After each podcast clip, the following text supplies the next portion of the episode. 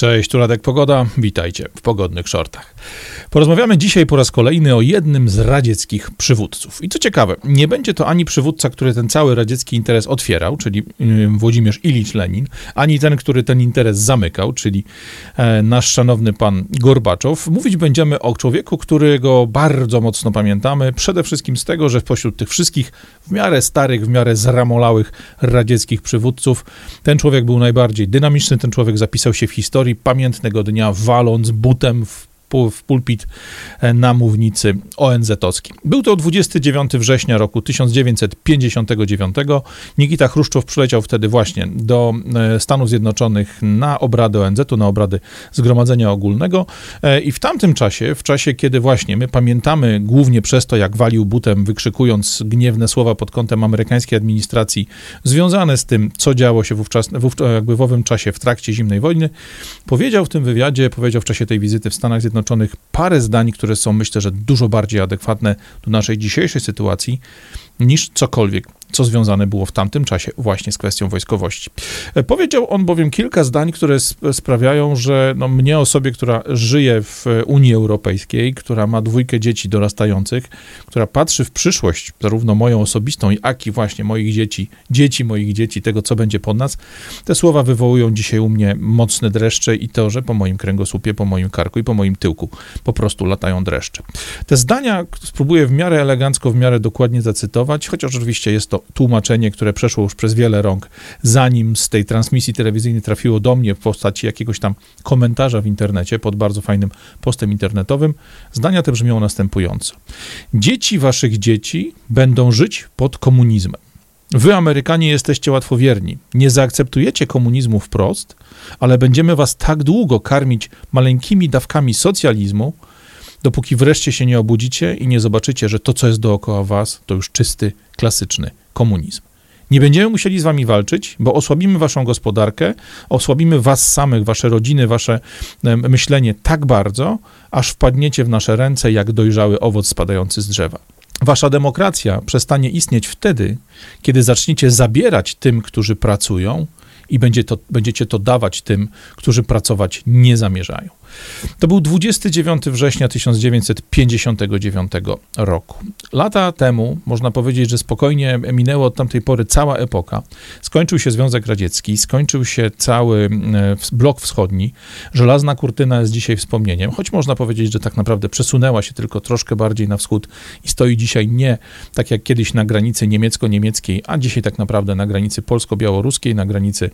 z Litwą czy na granicy z Ukrainą. Choć tu oczywiście pojawia się pytanie, na której granicy z Ukrainą ona dzisiaj stoi, czy na granicy wschodniej, Ługańsk, Donieck, czy na granicy dzisiaj toczonej wojny, tam gdzie akurat przebiegają okopy, tam gdzie przebiega front, czy tak jak zgodnie z postanowieniami traktatów e, jest to od roku 90 e, ta granica postawiona na granicy polsko-ukraińskiej i Ukrainę zaliczamy w tym momencie nadal do tego wschodniego bloku, do, tego, do tej spuścizny po Związku Radzieckim, do tej spuścizny po tym, że świat był dwubiegunowy, rozbity między Moskwą i Waszyngtonem. Natomiast te słowa Chruszczowa mają dzisiaj bardzo wiele tak naprawdę racji, mają bardzo wiele takiego ciężaru gatunkowego, bo nie musimy się zaglądać aż tam daleko na wschód, aby widzieć wokół siebie wiele elementów, o których on wtedy mówił. Ten komunizm, czy właściwie ten socjalizm zmierzający do komunizmu jest dzisiaj bowiem bardzo mocno widoczny wokół nas, zarówno tu na miejscu w Polsce, jak i szerzej w Unii Europejskiej, a tak naprawdę po roku 2008-2009, kiedy w wyniku kryzysu finansowego na rynku nieruchomości mocno zachwiała się podstawy amerykańskiej gospodarki, a razem z nią mocno zachwiały się podstawy gospodarek całego Zachodu, tak naprawdę możemy powiedzieć, że to, o czym mówił Nikita Chruszczow w roku 1959, dzisiaj dotyczy nas dużo bardziej niż wtedy dotyczyło tylko Amerykanów. O czym mówił Chruszczow? Chruszczow mówił o tym, że w czasach, kiedy my mocno baliśmy się tylko samego słowa komunizm, kiedy wtedy w Stanach e, funkcjonowały jeszcze wspomnienia po komisji McCarthy'ego, kiedy oskarżenie kogoś o to, że był komunistą, skutkowało tym, że ten człowiek natychmiast stawał się mocno podejrzanym elementem aspołecznym, elementem wypychanym poza tak zwane normalne społeczeństwo. Od tamtej pory zmieniło się bardzo dużo w sposobie, w jaki funkcjonujemy zarówno na poziomie krajowym, jak i poziomie Unii Europejskiej, czy szerzej pojętego całego Zachodu. Wtedy rok 59 to był moment, kiedy komuniści byli jeszcze właśnie wyszydzani, kiedy byli pokazywani palcem jako zagrożenie, jako ci, którzy chcą zniszczyć ten zachodni porządek świata. Tymczasem od lat 60., tak naprawdę mocnej, najmocniej po roku 1968, po pamiętnych protestach studenckich, po protestach, protestach studenckich, które dotyczyły nie tylko Stanów Zjednoczonych, o których mówił wtedy Chruszczow, ale również Europy, głównie Niemiec, głównie Francji, Wielkiej Brytanii. Tak naprawdę od tych lat 60. stale trwa pochód komunistów, pochód lewaków, pochód ludzi, którzy mają te właśnie lewicowe, wywodzące się od Marsa Lenina e, poglądy przez światową gospodarkę, przez światową politykę, przez miejsca, w których tworzy się polityka dotycząca ciebie, mnie, tej pani tam z tyłu, moich dzieci, twoich dzieci, tych dzieciaków, których jeszcze rodziców nawet nie poznaliśmy. Kruszczow powiedział o kilku elementach, które sprawiają, że bez jednego wystrzału, bez żadnej wielkiej akcji militarnej można spokojnie wprowadzić komunizm w dowolnym państwie na świecie, byle tylko wypełnić te poszczególne elementy. Popatrzmy zatem, o jakich ośmiu elementach zmierzających do przejęcia kontroli, komunistycznej kontroli, wprowadzeniu komunistycznego ustroju w danym kraju czy w danym regionie, no bo Unia Europejska to więcej niż jeden kraj, o jakich rzeczach mówił Chruszczow. Po pierwsze, kwestia opieki zdrowotnej. Ktoś, kto kontroluje opiekę zdrowotną, kontroluje de facto ludzi. Ma tu mamy tu do czynienia z dwoma elementami. Po pierwsze, mamy do czynienia oczywiście z tym, czy pewnych ludzi będziemy leczyć, czy pewne schorzenia będziemy leczyć, ogromnym kosztem finansowym, energetycznym, zaangażowaniem lekarzy, zaangażowaniem personelu medycznego, budowaniem z placówek itd., tak itd., tak czy tak jak na przykład dziś coraz popularniejsze stają się tego typu komunikaty w Kanadzie, w Holandii, wielu innych bardzo progresywnych zachodnich miejscach, pewne osoby, które mają pewne schorzenia, będziemy skazywali od razu na śmierć. Dzisiaj standardem jest y, rozmowa na temat tak zwanej wspomaganej śmierci, czyli tak naprawdę medycznego samobójstwa albo medycznego zabójstwa, bo tu dużo zależy od interpretacji, dużo zależy od konkretnego przypadku. Dzisiaj bardzo często na te tematy porusza się, mówi się na Zachodzie, mówi się o nich właśnie głównie w Kanadzie, głównie w Holandii, w tych dwóch krajach, w których ten proces dehumanizacji człowieka posunął się najdalej.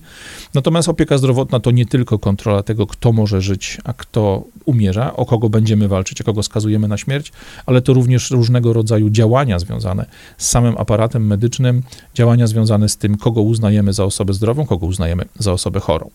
Jeśli wspomnicie sobie czasy nie tak dawne, bo dotyczące zaledwie gdzieś tam 10-11 lat temu, to możecie przypomnieć sobie taki moment, kiedy polskie Ministerstwo Zdrowia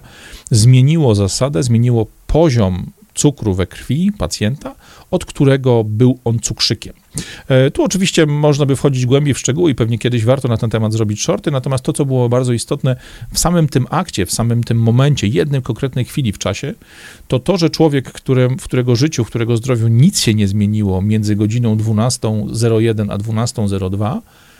tak naprawdę o tej 12.01 nie był jeszcze cukrzykiem, był tylko osobą, która była zagrożona byciem cukrzykiem, a o godzinie 12.02 był tym cukrzykiem już pełną gębą, podpadał już pod różnego rodzaju przepisy, pod różnego rodzaju sposób, w jaki funkcjonuje państwo i aparat zdrowotny w danym państwie. Ten moment, o którym mówię, to moment, w którym podpisane przez ministra zdrowia zostały właśnie przepisy zmieniające poziom cukru we krwi pacjenta, który sprawia, że zostanie on zaliczony do grona cukrzyków. E, oczywiście to posługuje się skrótami, posługuje się językiem prostym, no bo wiemy, że mówimy o schorzeniach bardzo poważnych, i tak dalej, natomiast chodzi mi o sam fakt. Człowiek,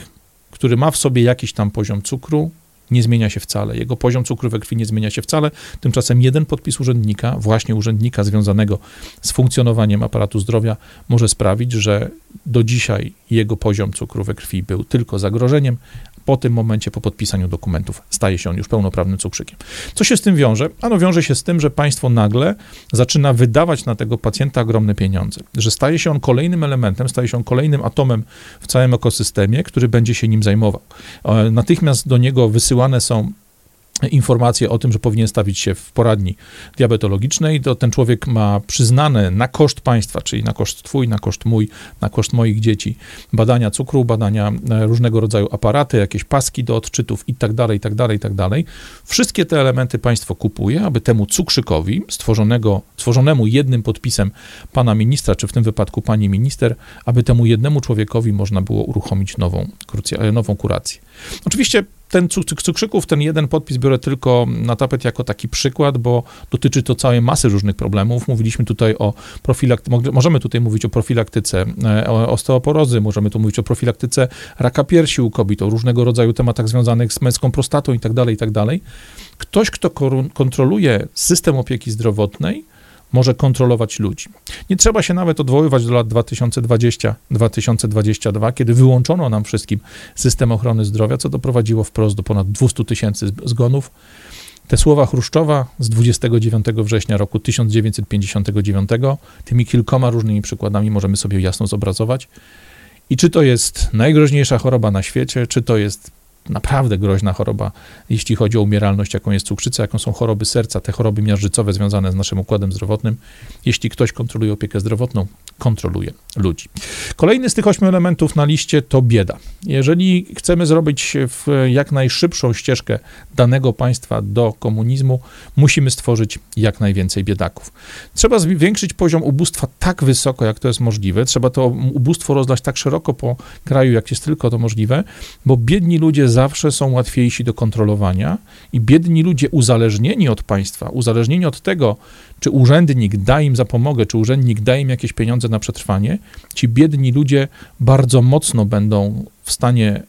bronić się przed tobą, ale tylko mentalnie, bo tak naprawdę nie podejmą żadnej akcji przeciwko rządowi, jeżeli to rząd daje im pieniądze niezbędne do przeżycia. No i tu oczywiście wypadałoby spojrzeć na to, co dzieje się w tej chwili w Unii Europejskiej. My już dzisiaj jesteśmy poddawani którejś tam fali podwyżek kosztów naszego życia. Anglicy mają nawet na to takie piękne określenie jak cost of living crisis. To jest tak jakby ten kryzys zjawił się znikąd, ten kryzys był niewywołany żadnymi decyzjami, aby jakby nie był on powiązany z zieloną polityką prowadzoną zarówno przez Unię Europejską, jak i przez brytyjskich polityków. Dzisiaj tych biednych produkuje się masowo, zarówno przez podnoszenie kosztów naszego życia, przez podnoszenie kosztów mandatów, przez zwiększanie obciążeń dla małego i średniego biznesu, przez zwiększanie obciążeń poszczególnych pracowników, przez to, że coraz więcej płacimy za prąd, za paliwo, za energię e, gazową na przykład, za wszystkie zakupy spożywcze, za możliwość jeżdżenia metrem, tramwajem, autobusem, naszym własnym samochodem, coraz więcej płacimy za ubezpieczenia, coraz więcej płacimy i tak dalej, i tak dalej. Te wszystkie elementy sprawiają, że coraz więcej kreujemy biedaków. Oczywiście biedaków można kreować wieloma różnymi sposobami, bo możemy tutaj tych biedaków generować choćby przez zabieranie im części ich majątku. Tu cudownym przykładem jest, są strefy czystego transportu, o których dużo ostatnio mówię, bo zmuszenie kogoś do wymiany dobrego, działającego, funkcjonującego starszego samochodu na samochód nowszy, to jest coś, co sprawia, że ludzie wchodzą w różnego rodzaju kredyty bankowe, aby taki samochód sobie kupić, bo na przykład muszą dojeżdżać do pracy, bo inaczej w ich małej miejscowości, gdzieś pod miastem, nie są w stanie przeżyć sami. Cel, który pokazał Chruszczow, jest bardzo prosty. Im więcej biedaków stworzysz, im więcej ludzi przesuniesz w tą stronę bycia biedakami, tym więcej tych osób będzie uzależnione od tego, co da im rząd, co dasz im ty jako polityk, tym więcej tych osób będzie musiało być grzeczne, tym więcej tych osób będzie w pełni spacyfikowane, będzie absolutnie niemożliwe do tego, żeby się tobie postawić, aby się postawić twojemu gangowi, twojej bandzie, bo będą zależni w pełni od państwa. Temat numer trzeci to dług. Dług to oczywiście temat, po, który możemy poruszyć na wielu różnych poziomach. E, mówimy o długu zarówno na, poziomu państw, na poziomie państwa, jak i na poziomie samorządów, poszczególnych firm, czy wreszcie pojedynczych osób. Jeżeli dług podnosimy do poziomu, w którym jest już on niespłacalny, w którym spłata zadłużenia, czy to odsetek, czy to rat, staje się zbyt wysoka, te kwoty stają się zbyt wysokie, abyśmy byli w stanie sobie z nimi poradzić w naszym codziennym życiu, tak naprawdę okazuje się, że w tym momencie stajemy się więźniami tego, kto nam te pieniądze pożyczył. Jeśli mówimy o sytuacji osoby fizycznej, czy małej firmy, średniej firmy, czy nawet dużej firmy, która jest zależna od banku albo od inwestorów, możemy jasno powiedzieć, że taki dłużnik będzie wykonywał wszystko to, czego oczekuje od niego właśnie ten bank czy inwestor, który mu wykłada pieniądze na jego funkcjonowanie, na jego działalność. I tu jest bardzo ważna sprawa, bo widzimy powszechnie, że kiedy tylko koniunktura nam się poprawia, kiedy okazuje się, że te interesy na świecie, zarówno na poziomie firm, jak i na poziomie naszego interesu, po prostu możemy sprzedawać naszą pracę pracę za wyższą pensję, jeżeli te interesy się poprawiają,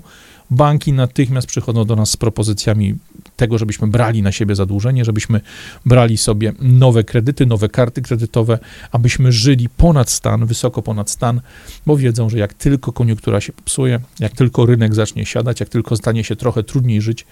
to będą mogli podnieść nam oprocentowania tych kredytów, będą mogli od nas zażądać spłaty całości, na przykład przed terminem,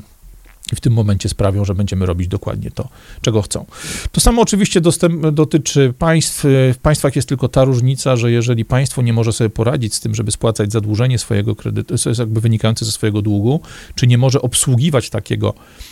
długu, czyli na przykład spłacać same odsetki, bo tu rzadko spłaca się kapitał, rzadko spłaca się ten, tą wartość pożyczonego pieniądza. Państwo ma tą różnicę, że może nas obciążyć podatkami, co sprawia z kolei, że popieramy w tym momencie punkt drugi, czyli zwiększamy poziom biedy, bo im więcej muszą zapłacić nasi obywatele, tym więcej z nich wpadnie właśnie w sytuację związaną z biedą. Kolejny punkt na tej ścieżce, na tej liście ośmiu punktów e, Chruszczowa to kwestia kontroli broni. Jeżeli usuniesz możliwość obrony zwykłego obywatela, obrony zwykłego człowieka przed rządem, przed policją, przed najróżniejszymi bandytami w garniturach czy bandytami w mundurach, którzy, którzy próbują atakować naszą własność, naszą wolność, nasze funkcjonowanie,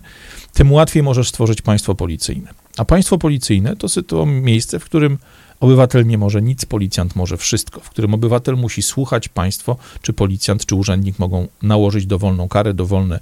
ograniczenia dla naszego funkcjonowania, ograniczenia dla naszej własności, dla naszej wolności, dla naszego życia. Kontrola broni to jest absolutnie kluczowy element sprawiający, że zarówno politycy, jak i urzędnicy, jak i wszelkiego rodzaju służby mundurowe mogą się w takim państwie czuć kompletnie bezpieczne, kompletnie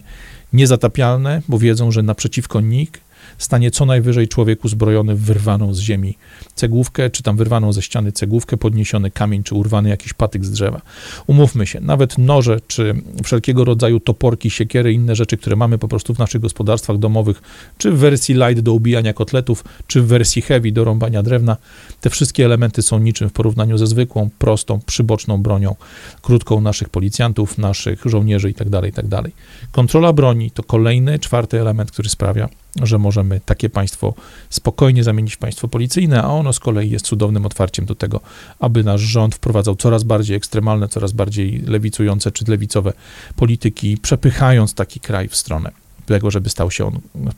państwem komunistycznym. Kolejny element, piąty już, to opieka społeczna. Jeżeli przejmujemy kontrolę nad całym systemem funkcjonowania człowieka, od jedzenia, mieszkania, dochodu, jeżeli ten człowiek jest zależny od nas, tak jak w przypadku biedy,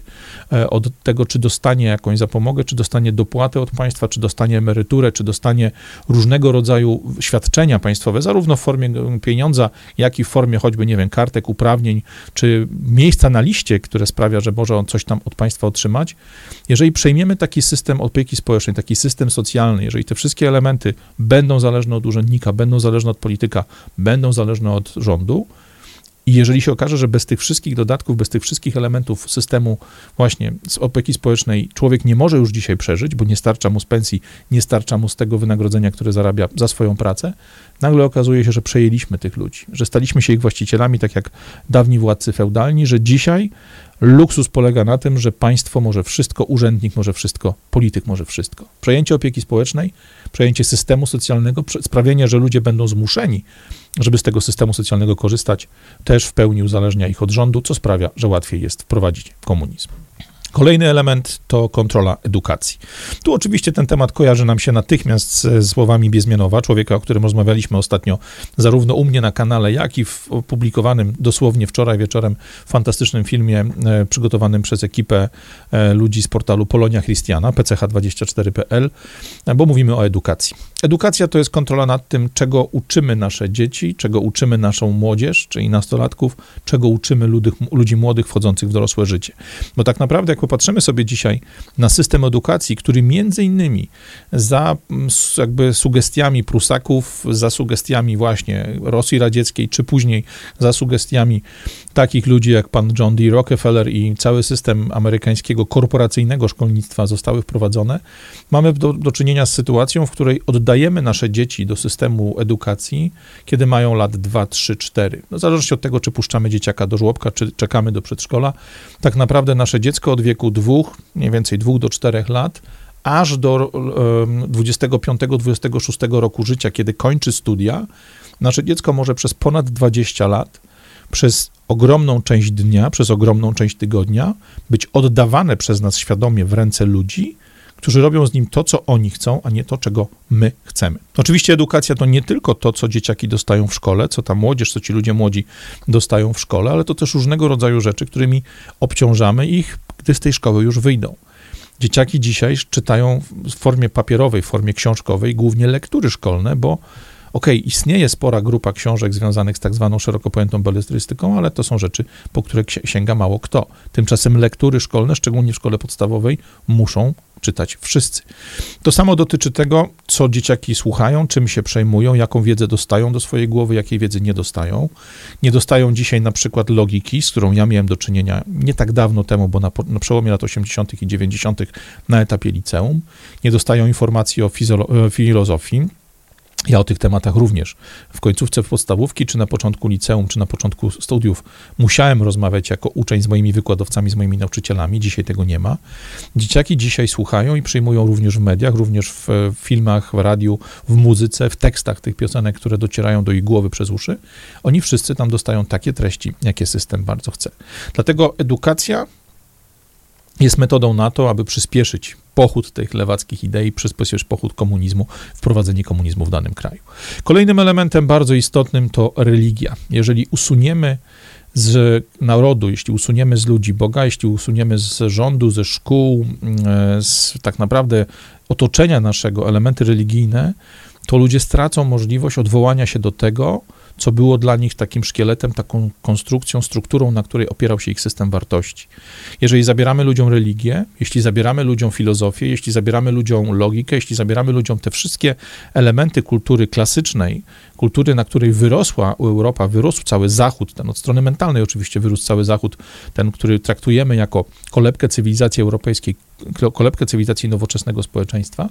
to tak naprawdę zabieramy tym ludziom bardzo dużo elementów, które sprawiają, że oni mają pewne ramy działania, że potrafią sami ocenić, co jest dobrem, co jest złem, co jest uczynkiem właściwym, co niewłaściwym, co należy zrobić, a co czego zrobić nie należy. Zabierając im edukację, zabierając im religię, sprawiamy, że dużo trudniej jest funkcjonować obok siebie w zgodzie. Bo jeżeli jednostka A i jednostka B nie ma tego samego poziomu zrozumienia tego, co jest właściwe i co właściwe nie jest, co jest przestępstwem, a co jest rzeczą właściwą, co jest rzeczą dobrą, zgodną z prawem, zgodną z zasadami, to może się okazać, że mamy wokół siebie ludzi, którzy nie potrafią ze sobą się porozumiewać, bo coś, co dla jednego jest tylko jakimś jego wymysłem, jakąś jego potrzebą, jest tak naprawdę złamaniem zasad funkcjonujących czy rządzących życiem wszystkich innych funkcjonujących dookoła.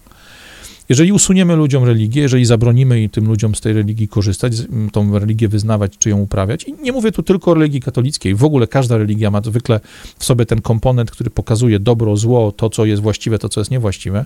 Jeśli tą religię usuniemy, jeżeli sprawimy, że ludzie od religii odejdą,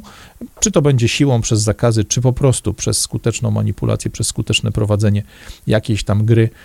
na poziomie psychicznym, na poziomie właśnie wpływu na ludzi przez media, przez informacje, przez szkołę i tak dalej, nagle okazuje się, że jedyne, co ludziom pozostaje do wierzenia, to rząd. Tylko państwo jest tym miejscem, jest tą jednostką, jest tym elementem, jest tym standardem, który wyznacza pewne zasady,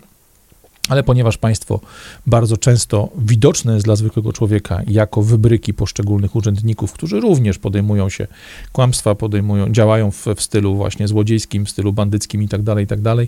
to wiara w zasady wyznawane przez państwo, czy narzucane przez państwo bardzo często jest dużo słabszym wskaźnikiem tego, co należy i czego nie należy, niż religia, która opiera się po prostu o podstawy filozoficzne. Elementem ostatnim, który jest do rozegrania, jest tak zwana wojna klasowa. Coś, co widzimy bardzo mocno od lat, praktycznie początku lat 70., kiedy gospodarka odeszła od tego standardu funkcjonującego od czasów e, rewolucji przemysłowej, przestało się opłacać produkowanie realnych, namacalnych rzeczy, realnych, namacalnych usług. Bardzo opłacalne stało się zabawa pieniędzmi, zabawa w tworzenie pieniądza z niczego. Jeżeli przy pomocy takich taktyk, takich działań doprowadzimy do sytuacji, że bogaci od biednych odjadą bardzo, bardzo daleko, kiedy będziemy mieli ludzi całkowicie skazanych na jakby państwo, jeśli chodzi o przetrwanie, a po drugiej stronie płota, po drugiej stronie barykady, niewielką grupkę ludzi super bogatych, ludzi, dla których wszystko jest możliwe, którzy po świecie latają prywatnymi samolotami, jedzą tylko kawior i wymyślne potrawy, a inni umierają z głodu, doprowadzimy do sytuacji, w której niezadowolenie, w której ta różnica między obydwoma klasami będzie tak ogromna, że bardzo łatwo będzie wykonać parę ruchów wspierających to, żeby wprowadzać komunizm. Przede wszystkim usuwając klasę średnią, pokażemy biedocie, że nie mają żadnego wyjścia z sytuacji, w której się znajdują, czy w której się znaleźli przez decyzje polityków, przez decyzję tak prowadzonego planu działania dla danego państwa. Osoba, która żyje w biedzie, najczęściej patrzy dookoła siebie nie na tych ludzi, którzy są super bogaci, którzy mieszkają w wielkich domach gdzieś nad jeziorem, czy w wielkich domach nad morzem, bo ten poziom zwykle jest dla nich już nieosiągalny. Ale taki człowiek, który nie ma nic, albo który ma super mało, patrzy na osoby troszkę zamożniejsze od niego, na kogoś, kto ma choćby pieniądze na to, żeby mieszkać w ładniejszym mieszkaniu. Własnym czy wynajętym nie ma znaczenia. Człowiek, który jest w biedzie, aspiruje do tego, żeby mieć swój kąt.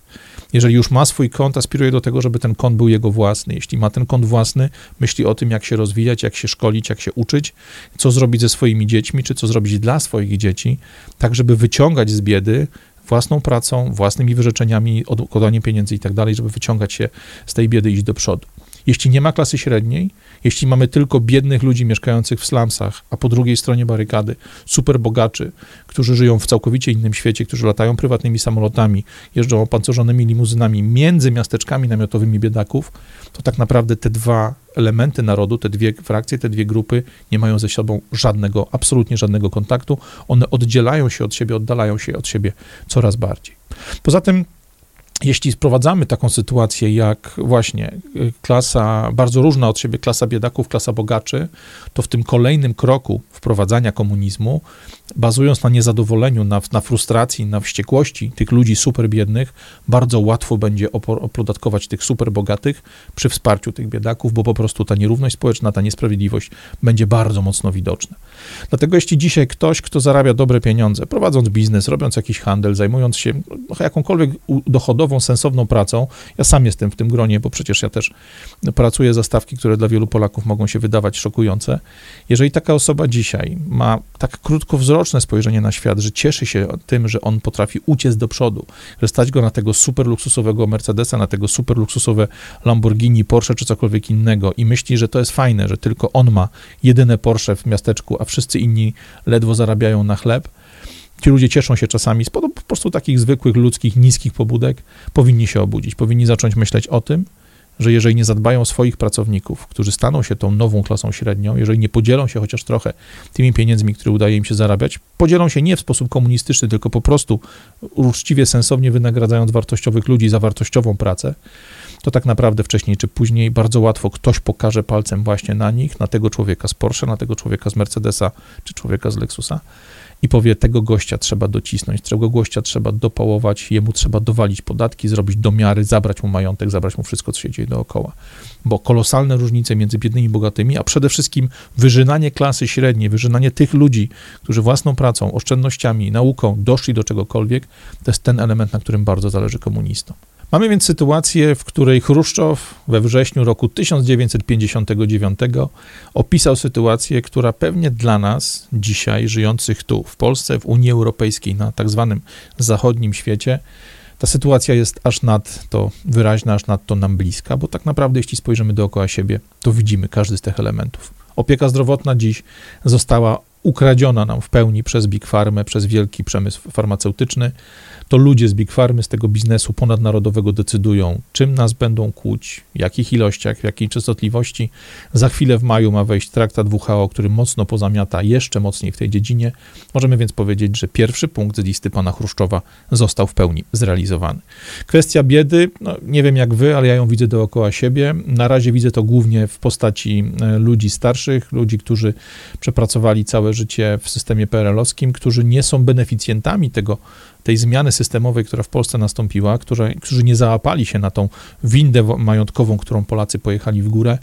Tej biedy dookoła widzimy bardzo dużo, a w tej chwili z rosnącymi kosztami kredytów, z rosnącymi kosztami paliwa, gazu, prądu, z narzuconymi nam w tej chwili przez system EPBD zmianami w kwestii własności naszych budynków, mieszkań, w których funkcjonujemy, domów, w których mieszkamy, w ciągu najbliższych miesięcy to stanie się jeszcze bardziej do, dotkliwe, to stanie się, że będzie jeszcze więcej osób biednych, jeszcze więcej osób, które wypadną z tej ubogiej polskiej klasy średniej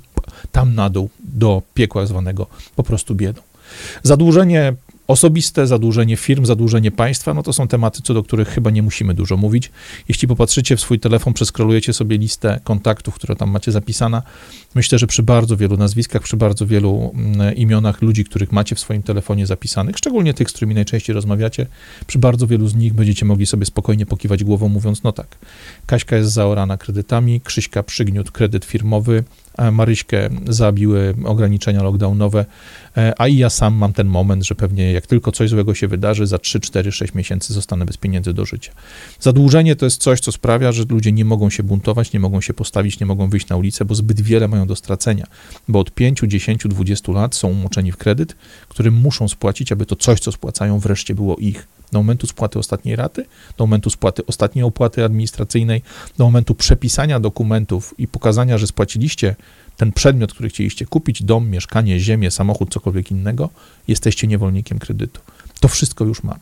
Kolejne elementy to oczywiście opieka społeczna, zmuszenie ludzi do tego, żeby korzystali z zasiłków, korzystali z dodatków, korzystali z 500, z 13, 14 emerytury itd., tak itd. Tak to wszystko już mamy. Przejęcie kontroli nad edukacją mamy. Przejęcie kontroli nad religią, usuwanie tej religii bardzo mocno z życia publicznego, albo usuwanie wybranej religii z życia publicznego, wpuszczając w to miejsce nowe religie. No, w przypadku Polski mówimy tu jednoznacznie o bardzo mocnej fali związanej z religią, mm, którą gasi się, której przedmioty gasi się gaśnicami, albo e, mocno następującym w tej chwili napływem do Polski ludzi z kręgu kultury muzułmańskiej. To są te elementy, które wszystkie odbywają się kosztem religii katolickiej, która do tej pory była bazą naszego państwa, która była bazą naszego sposobu myślenia. Punkt ósmy, wojna klasowa. Myślę, że to jest bezdyskusyjne dookoła nas. Możemy więc sobie spojrzeć na te osiem punktów Chruszczowa, osiem punktów wymyślonych czy przepowiedzianych nam w roku 1959, kiedy to Chruszczow walił butem w pulpit na mównicy ONZ-u, popatrzeć do siebie, pokiwać smętnie głową i zrozumieć, że tak naprawdę małymi kroczkami przez te ostatnie kilkanaście lat jesteśmy coraz mocniej wpychani w coś, z czego wydawało nam się, że wyszliśmy w roku 89 w komunizm. Ten komunizm dzisiaj nie będzie czerwony, on będzie zamaskowany kolorem zielonym, kolorem tęczowym, kolorem najróżniejszych wynalazków politycznych, barwami partii politycznych od prawej do lewej, ale jak popatrzymy sobie na to, co dzieje się dzisiaj na naszych ulicach, co dzieje się dzisiaj w Sejmie, to tak naprawdę możemy łatwo to skwitować, że większość tych ludzi, która naparza się między sobą, która zwraca naszą uwagę na swoje działania. To są ludzie, którzy wyszli z tego samego komunistycznego, socjalistycznego pnia.